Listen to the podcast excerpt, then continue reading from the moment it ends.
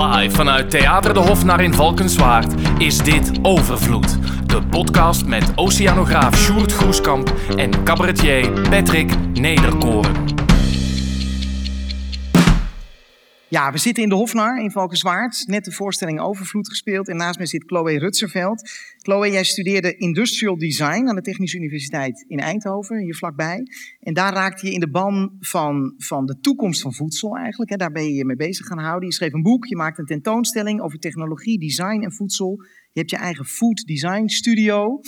Uh, en we gaan het met jou hebben over de relatie tussen voedsel en klimaatverandering. Hoe we de toekomst revolutionair, in de toekomst revolutionair anders kunnen gaan eten. En over waarom kunstenaars en wetenschappers elkaar nodig hebben. Dank dat je er bent.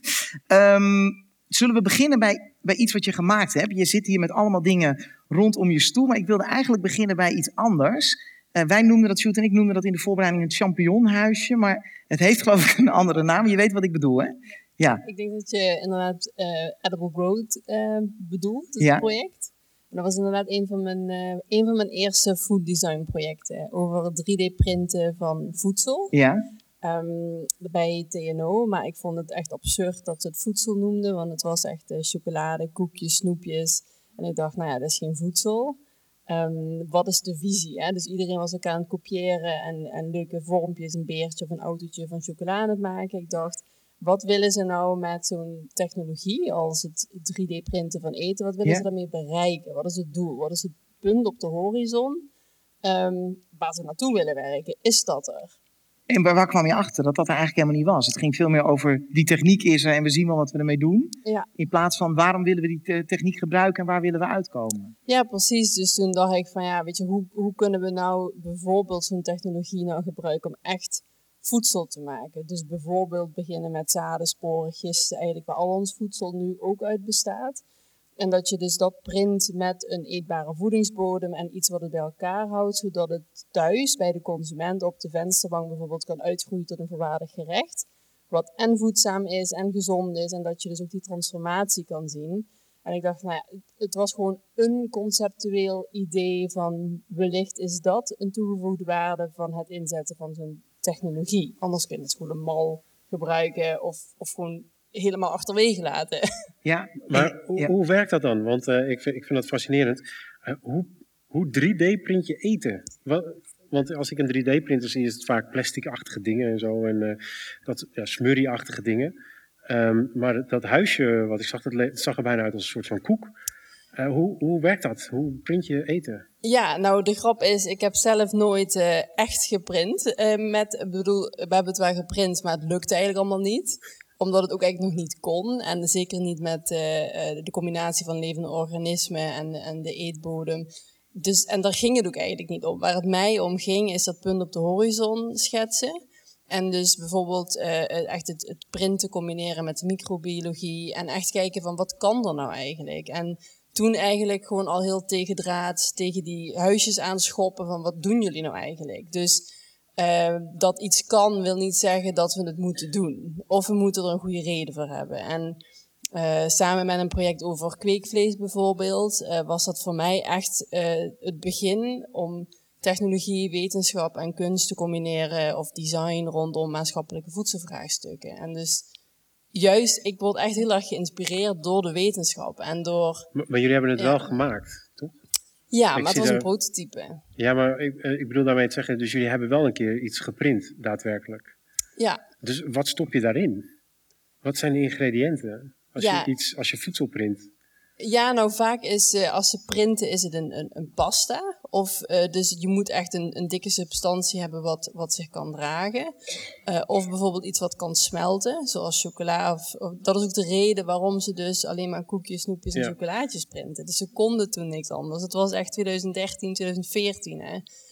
Um, en zelfs nu is dat nog lastig. Dus datgene wat jullie zagen op die foto, yeah. dat heb ik in elkaar geknutseld met de hand. Want dat kon allemaal yeah. niet. Dus het was puur om uh, voor de verbeeldingskracht. En als je het dan hebt over jouw verbeelding en die stip aan de horizon, hoe zou je die stip beschrijven? Wat, wat zou voor jou belangrijk zijn als het om voedsel gaat, waar we naartoe gaan? Ja, ik hoorde heel vaak in jullie voorstelling, uh, die ik trouwens heel interessant vond, halverwege dacht ik, oh jee. Heel depressief. Ja, Heel ja. depressief. Ehm, maar gelukkig uh, sloot hij er af met een wat positievere noot natuurlijk. Um, maar wat ik heel vaak terug hoorde komen was gedragsverandering. En uh, heel vaak, zeker in Nederland, laten wij de keuze aan, aan, aan de eter, aan de consument. En ik vind eigenlijk, um, moet klant nog wel koning zijn? Dus ik ben eigenlijk met heel veel van mijn werk, denk ik, veel radicaler na over mogelijke toepassingen. En waar ik bijvoorbeeld, wat, wat ik heel interessant vind, is bijvoorbeeld uh, microbieel geproduceerde voeding. Dus dat we niet meer, um, um, nou sowieso ben ik al sinds 2013 ongeveer uh, vegetariër en eet ik, ik uh, heel weinig, ja sowieso geen vlees en, en vis, maar ook heel weinig dierlijke producten. Niet veganistisch, want dat is sociaal heel complex en toch wel onhandig.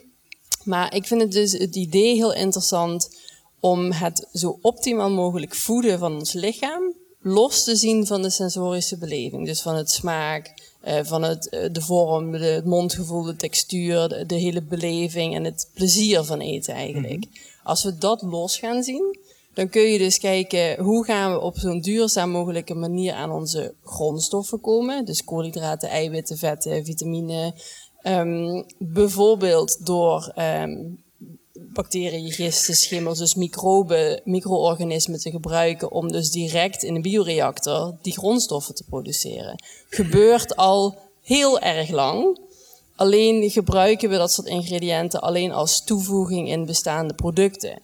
Omdat mensen zeggen, ja, maar dat is eten, dus dat vinden we niet interessant. Maar wat ik dus probeer te doen, is om, want wat je dan maakt, is bijvoorbeeld een poeder of een pasta of iets, echt een basis. En Ja. dat moet allemaal opgebouwd worden tot iets wat we daadwerkelijk willen eten. Nou, die stap, dus van kennis, dus deels, ik, wat jullie doen is een beetje, is, is niet een beetje, maar is een soort van wetenschapscommunicatie op een andere manier. Jullie gebruiken cabaret. Nou, ik gebruik eh, prototypes, Ja. modellen, ehm, of soms een interactieve installatie. Maar dan dus ook los van het eh verbeelden en het communiceren ook nog eh, dat het meer over de toekomst gaat. Dus Precies. mogelijke toekomstscenario's. Dus eigenlijk zeg jij, laten we nou eh, eigenlijk from scratch beginnen met wat is, wat is eten, wat heeft een lichaam nodig? Nog even los van wat is tafelen of wat doen we, hè, wat zijn onze rituelen? Ja. En dan, dan is het misschien interessant om naar deze twee prototypes te kijken die je hier hebt liggen. Wat, wat, wat zijn dit? Ja, nou, dit is een eh, maag. Hij is een beetje de kluiten gewassen, moet ik heel eerlijk zeggen. Een flinke Eh, maag. Je hebt een flinke maag. Ja. Dus voor de Ehm, kijkers thuis heeft nu een soort van eh gipsachtig eh, lijkende vorm in de hand, die de vorm heeft van een mensenmaag, toch? ja. En dat is eigenlijk met wat eh, ehm, dingen die uitsteken. een, eh, een project waar ik eh, nu mee bezig ben. Al, als in waar ik eh, ook hoop mee verder te gaan. Het heet Etende Buizen.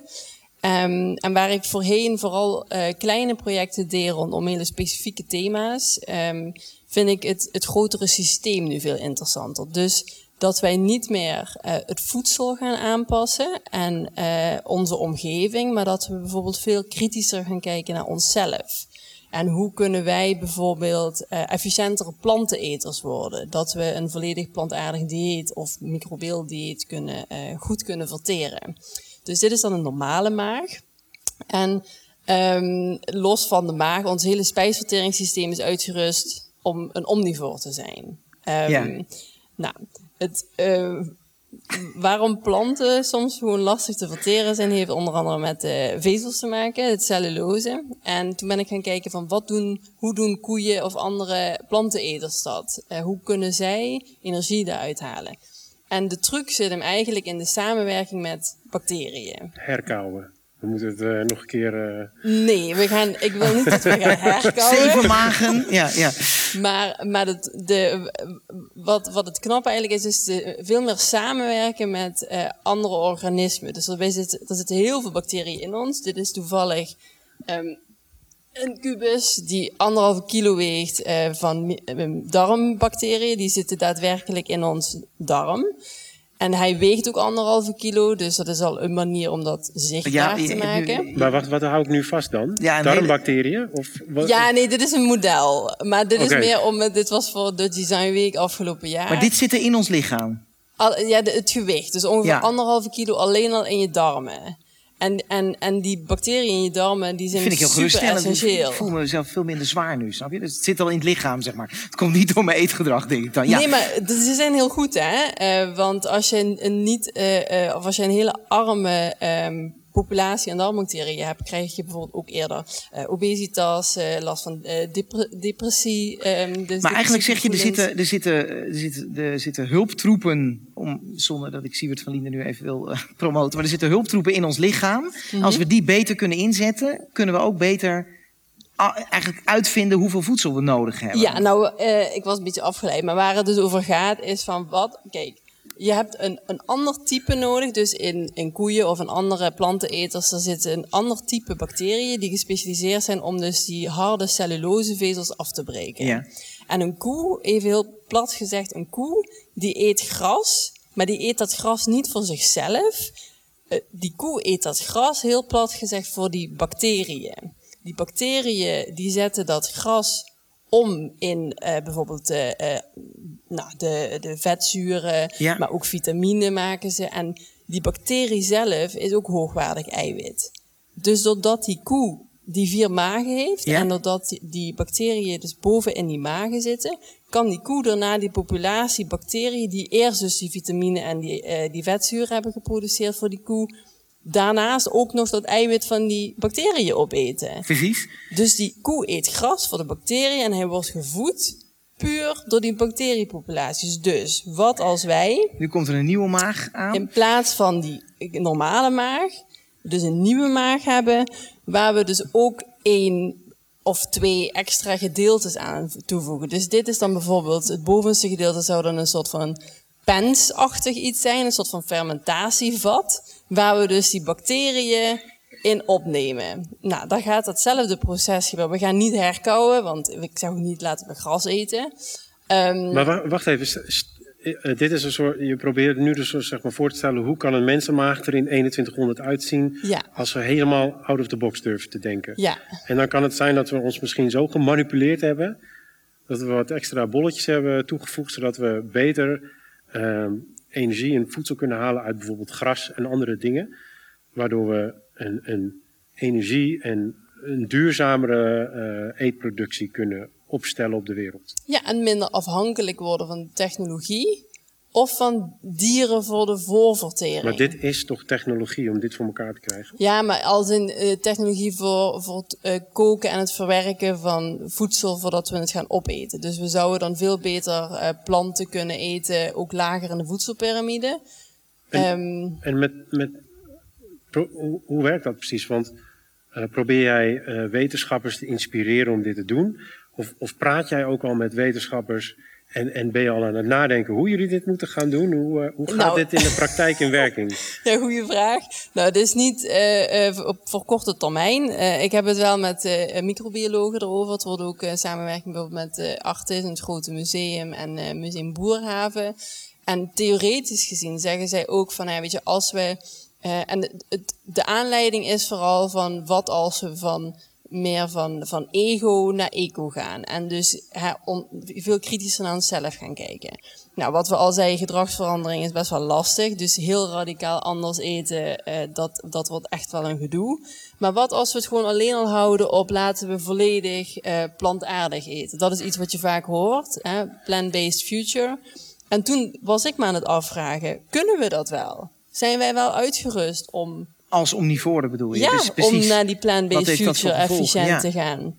Ehm, want ja, ehm, bedoel, wat wij voedingsvezel noemen dat, eh, noemen, dat is eigenlijk gewoon precies hetgene wat we niet kunnen afbreken en waar nog ook wel eh, nuttige stoffen in zitten. En nou, planten die nemen wij gewoon minder goed op als dierlijke eh, producten. Dus die microbiologen zeggen ook, nou, in principe is dat waar. Eh, alleen, weet je, koeien zijn niet per se het meest efficiënte dier in de omzetting. Ehm, en ze stoten veel methaangas uit. Nou, daar zijn ze bijvoorbeeld nu in die koeien ook al bezig. Eh, er zijn die bacteriën bijvoorbeeld van kangoeroes, die veel minder methaan uitstoten. En dus nu zijn ze aan het kijken of ze dus die bacteriën van kangoeroes in koeien kunnen inbrengen. Om dus de Ja, ik krijg allemaal methaangas... associaties van springende koeien met buidels. En... Nee, maar ik bedoel, het, het, Ja. het, het, Het zeg is maar, heel futuristisch. Ja, hè? het is, het is heel Ja. futuristisch, maar is het ook iets... ehm, zeg maar, ik kan me voorstellen dat je dit verre, abstracte toekomstbeeld nodig hebt... om misschien hele kleine toepassingen Ja. te gaan maken. Zeg maar. Ja, maar kan dus- je ons zo'n stapje uitleggen waar dat heen zou? Waar het toe zou kunnen leiden? Ja, dus ik zal jou ook even, even concreter antwoorden. Dus wat het, wat het doel van dit project gaat zijn, het, het, het, het heet ook dus Etende Buis, een anatomieles uit de eh, 21ste eeuw. En wat we dus eigenlijk willen laten zien is van, er zijn natuurlijk heel veel scenario's eh, rondom, rondom voeding. Ehm, en wat we hier eigenlijk mee willen laten zien is van wat als we dus onszelf zouden aanpassen. En ik zeg niet dat we dat nu al doen, maar er komen scenario's van bijvoorbeeld het kan ook een krop zijn, het kan ook gewoon iets heel kleins zijn. Ehm, maar meer van dus dat- dat als we een een, een, een andere samenwerking aangaan met andere organismen. Dus met Ja. de bacteriën die eigenlijk al in ons zitten, maar gewoon een andere populatie.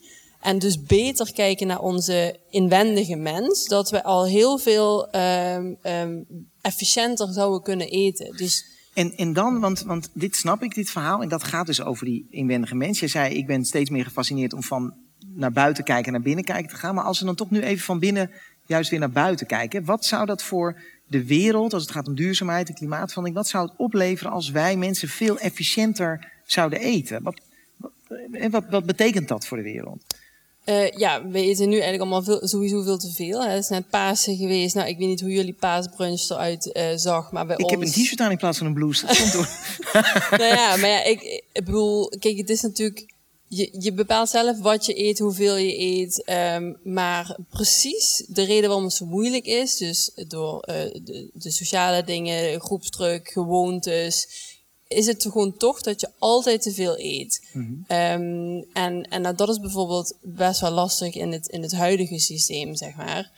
Ehm, maar goed, ik, ik, ik zit dan aan zo'n tafel en dan denk ik, dit is eigenlijk gewoon voedselverspilling. We eten met z'n allen veel te veel en daarna gaan we klagen dat we te veel gegeten hebben en dan gaan we weer sporten.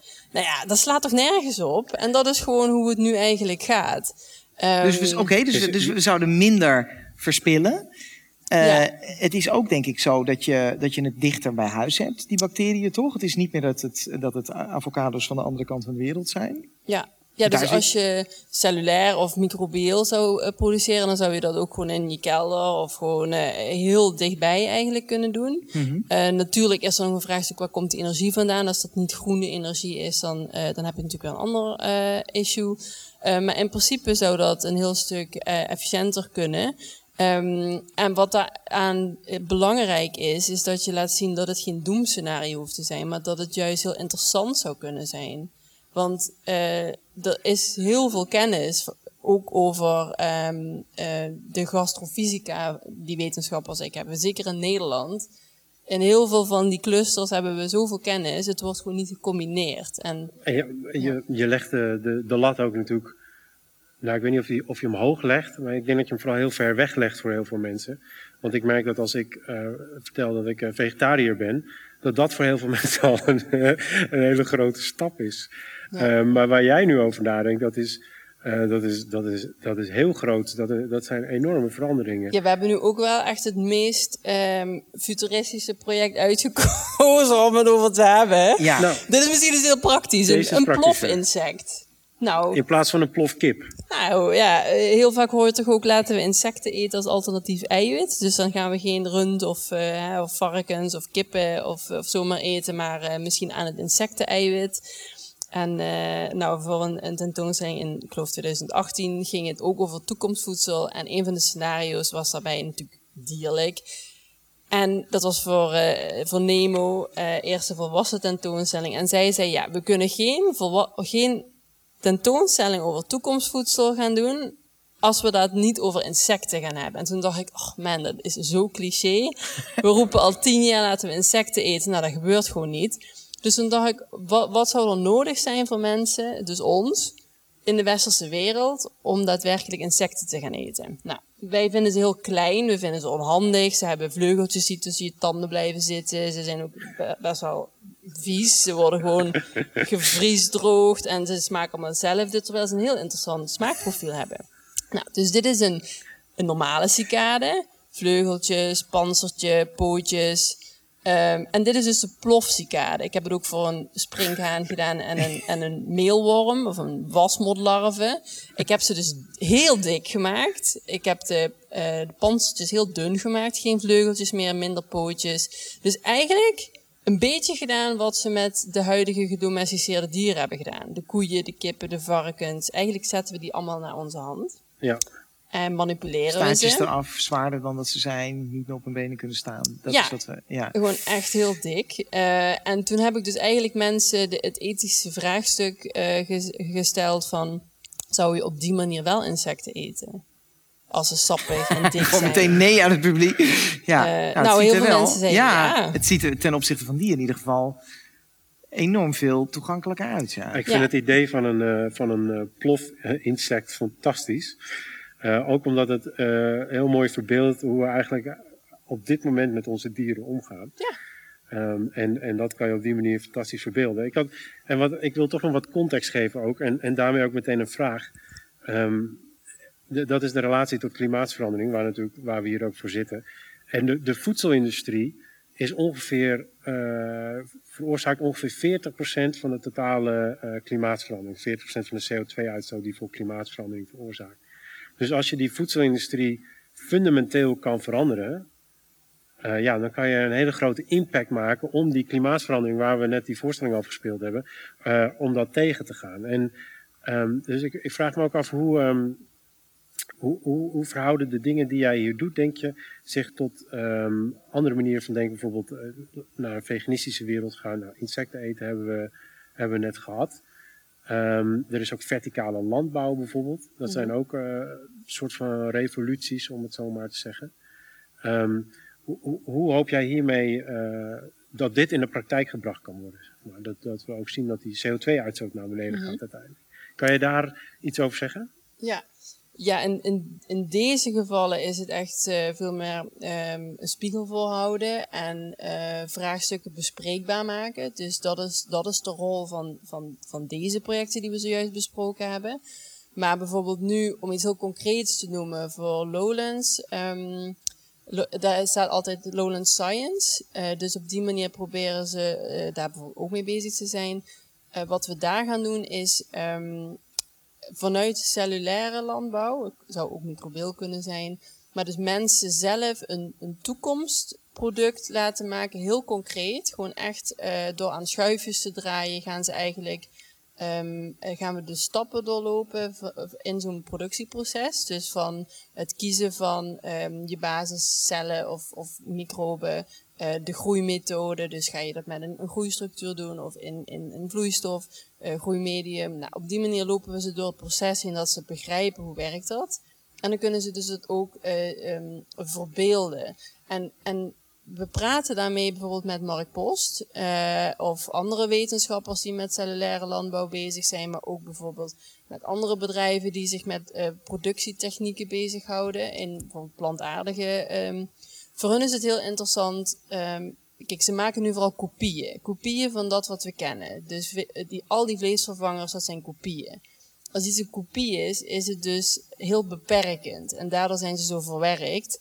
Omdat je kan van een appel geen peer maken. En van een peer geen appel. Dan moet je heel goed je best voor doen. Om bijvoorbeeld van een kikkererwt een, een, een stuk vlees te maken. Nou, dat is gewoon heel lastig. Daarom zijn ze zo verwerkt. Daarnaast is het heel lastig om geen kopie te maken, maar een uniek product wat dus, waar wij die referentiekaders niet bij hebben. Want je gaat altijd alles vergelijken. Als iets een kopie is, vergelijk je het met het origineel en dan is het altijd minder. Nou, dus als je, als je nieuwe dingen helpt bedenken, want dat is een van de moeilijkste dingen. Dus wij gaan eigenlijk met zo'n installatie gaan we ehm, laten zien wat je zou kunnen maken vanuit de wetenschappelijke mogelijkheden. Als je dus meer creatief en out of the box durft te denken. En juist die wetenschappelijke kennis gaat clusteren. Dus we praten met mensen die daadwerkelijk die cellen kweken of microbiële eh, grondstoffen produceren. Hoe werkt dat? Wat kan er? Eh, nou, en dan zegt bijvoorbeeld ehm, meneer Post, nou ja, ze hebben wel eh, ehm, kanalen nodig voor, om, omdat die cellen zuurstof krijgen als je een eetbare groeistructuur gaat maken, bijvoorbeeld. Nou, dat is dan iets wat wij kunnen meenemen. Maar daarnaast heb je wel heel veel keuzevrijheid om zo'n productvorm te geven. Um, kan ik het uh, samenvatten? Want dat vind ik heel interessant. Um, eigenlijk als je bijvoorbeeld denkt aan astronauten, daar, daar hebben ze natuurlijk al heel erg nagedacht over wat hebben zij nodig. En dat moet zo compact mogelijk en kunnen ze de ruimte in heel lang van leven. En jij werkt ook met designers samen en je pleit ervoor dat wetenschappers en designers uh, samen moeten werken. Is het dan eigenlijk zo dat wat jij probeert is dat, ik, ik zeg het even dom hoor, maar zeg maar het astronautenvoer, om dat als het ware een hele aantrekkelijk uiterlijk te maken, zodat we daar geïnteresseerd in raken en op die manier veel efficiënter kunnen gaan eten. Uh, en daarbij doe je natuurlijk ook nog, uh, hoe zeg je dat, heel veel out-of-the-box ideeën, zodat je überhaupt heel anders gaat nadenken over voedsel. Wat heel belangrijk is, denk ik, als we systeemverandering willen. Daarom is het zo interessant wat je doet. Uh, maar mag, kan ik dat zo samenvatten? Dat je bijvoorbeeld de wetenschap die achter astronautenvoer zit, om het heel plat te zeggen, als een soort van op een design manier naar de mensen probeert te brengen, zodat het interessant wordt?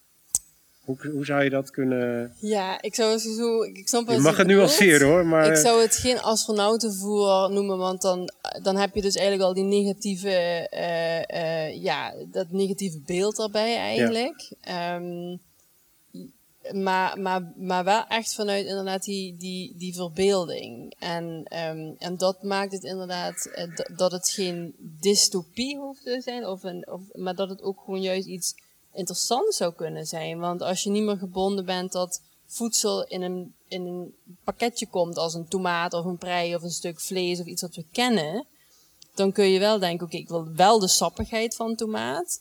En ik wil wel de, de, de fluff, fluffiness van cake bijvoorbeeld. Maar ik wil wel de, de voedingswaarden uh, uh, die gezond en perfect voor mij zijn. Dus je gaat het eigenlijk gewoon lostrekken. En alles wat we geleerd hebben over al die tijd gaan we weer op een andere manier samenvoegen. En ik hoop dat ik probeer dat te faciliteren.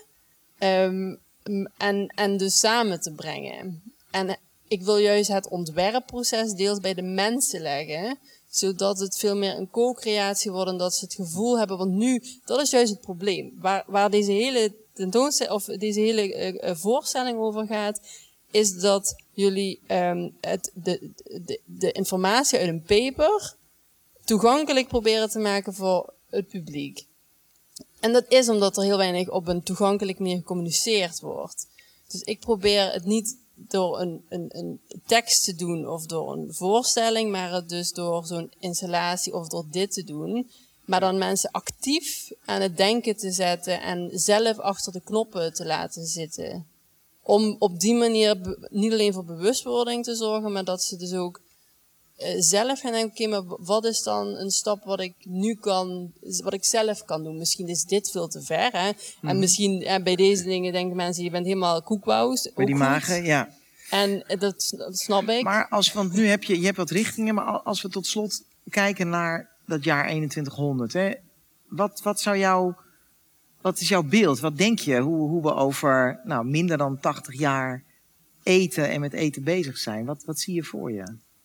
Um, nou, ik, zou het heel, uh, uh, ik beschrijf even mijn uh, droomscenario. Ja, zeg ja, ja. maar. En ik, ik, ik hou heel erg van eten. Ik ben ook best wel, ik ben erin geïnteresseerd, maar ik heb zoiets van, we kunnen niet A roepen en B doen. Hè, wat we zeggen, wat we belangrijk vinden en wat we vervolgens doen, staat echt vaak haaks op elkaar. Dus wat als we alle voeding gaan produceren door microben of cellen, gewoon heel praktisch, heel functioneel dan weten we ook door een, een bodyscan, bijvoorbeeld een lichaamscan en een analyse van je uh, darmflora of van je microbioom beter wordt, uh, wat je nodig hebt aan voedingsstoffen en uh, je metabolisme, precies wat we nodig hebben, qua, ook qua aanvullingen. Dus oké, we hebben een, de basisvoeding, we weten precies wat we nodig hebben, daar komt dus een basis uit. En vervolgens denken we, waar hebben we nu zin in? En dan gaan we dat eigenlijk weer opbouwen. En dat wordt dan door een betere uh, 3D-printer of een andere vorm van digitale uh, productietechnieken voor jou op dat moment opgebouwd of ge gemaakt. Precies wat jij nodig hebt en wat jij op dat moment waar je zin in hebt. Maar dus die, die paas brunch waar jij zat, daar staan, daar staan 3D-computertjes. En, en iedereen maakt daar zo een beetje. Ja, precies wat je nodig hebt. Ja. En, en het interessante is dus, want alles gaat om eten in ons leven. Denk eens na. Je gaat gezellig uh, uh, borrelen of op stap. Nee, je bent aan het drinken, je bent aan het eten. Een verjaardag, je bent aan het eten. Kerst, maar dat ben je dan wel. Dus, dus dat, dat raken we wel op een bepaalde manier kwijt. Of dat, dat, wat, dat we eten met gezelligheid. Nee, maar, ja, maar dat is dus de zwaarte. Dus alle emotie en alle zwaarte waarom wij zo moeilijk doen over duurzamer eten, minder eten en gewoon beter omgaan met de planeet, heeft heel veel inderdaad met voedsel te maken. Omdat er zo'n zwaarte op ligt met inderdaad gezelligheid, sociaal contact als we daar nou eens wat anders voor gaan bedenken. Een, een, een spelletje of een, uh, een voorstelling. Uh, wandeling. ja, gewoon iets. Maar, maar bedenken ze iets, hè, misschien muziek inderdaad. Iets wat mensen raakt, verbindt. Want het zorgt dan ook voor um, verspreiding, zeg maar. Want jullie hebben duidelijk niet dezelfde muzieksmaak. Dus, maar misschien willen jullie wel allebei dezelfde vegetarische hamburger eten met een biertje. Dat verbindt jullie. Maar als je dat dus niet meer hebt, um, wat ga je dan doen samen? Snap je? Dus, en, en, en daar ben ik best wel in geïnteresseerd naar. Wat is de gouden graal van niet voedsel, maar net zoiets krachtigs als voedsel? Een soort van, net als geloof eigenlijk, wat uh. een groep bindt. Hey, en en um, als we in 2100 echt anders eten, is het, heb jij daar dan een bijdrage aan geleverd, denk je? Heb je door deze dingen, verwacht je dat je ergens, ik kan me dat voorstellen, je, je opent mijn blik volledig, maar ik weet ook niet zo goed welke kant we daardoor opgaan. Kan het zo zijn dat jij het setje hebt gegeven naar een andere manier van eten in de toekomst? Um, nou, dat zou mooi zijn, dat kan ik natuurlijk niet weten. Maar nu, als ik bijvoorbeeld wel eens uh, ergens een lezing geef, of geef, ik hoor dan vaak uh, drie jaar daarna of zo. Oh, ik weet het echt nog steeds. Het heeft me echt, uh, ik heb ervan wakker gelegen. dat ik dacht van, wow, als ik nou dit of dat doe, wow, dat is eigenlijk voedselverspilling, shit. Mooi. Of, of zoiets. Dus vond ik, of laatst zei een chef, als ik het goed begrijp, ben ik dus een voorfermenteerder.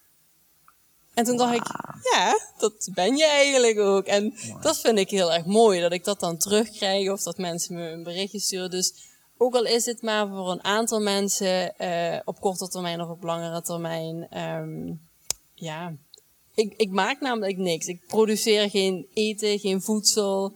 Um, nee, dat is nee. misschien waar, maar uh, je maakt een nieuw toekomstbeeld vanuit het niets. En dat is ook heel waardevol. Dankjewel dat je daarover wilde vertellen. Chloe Rutserveld.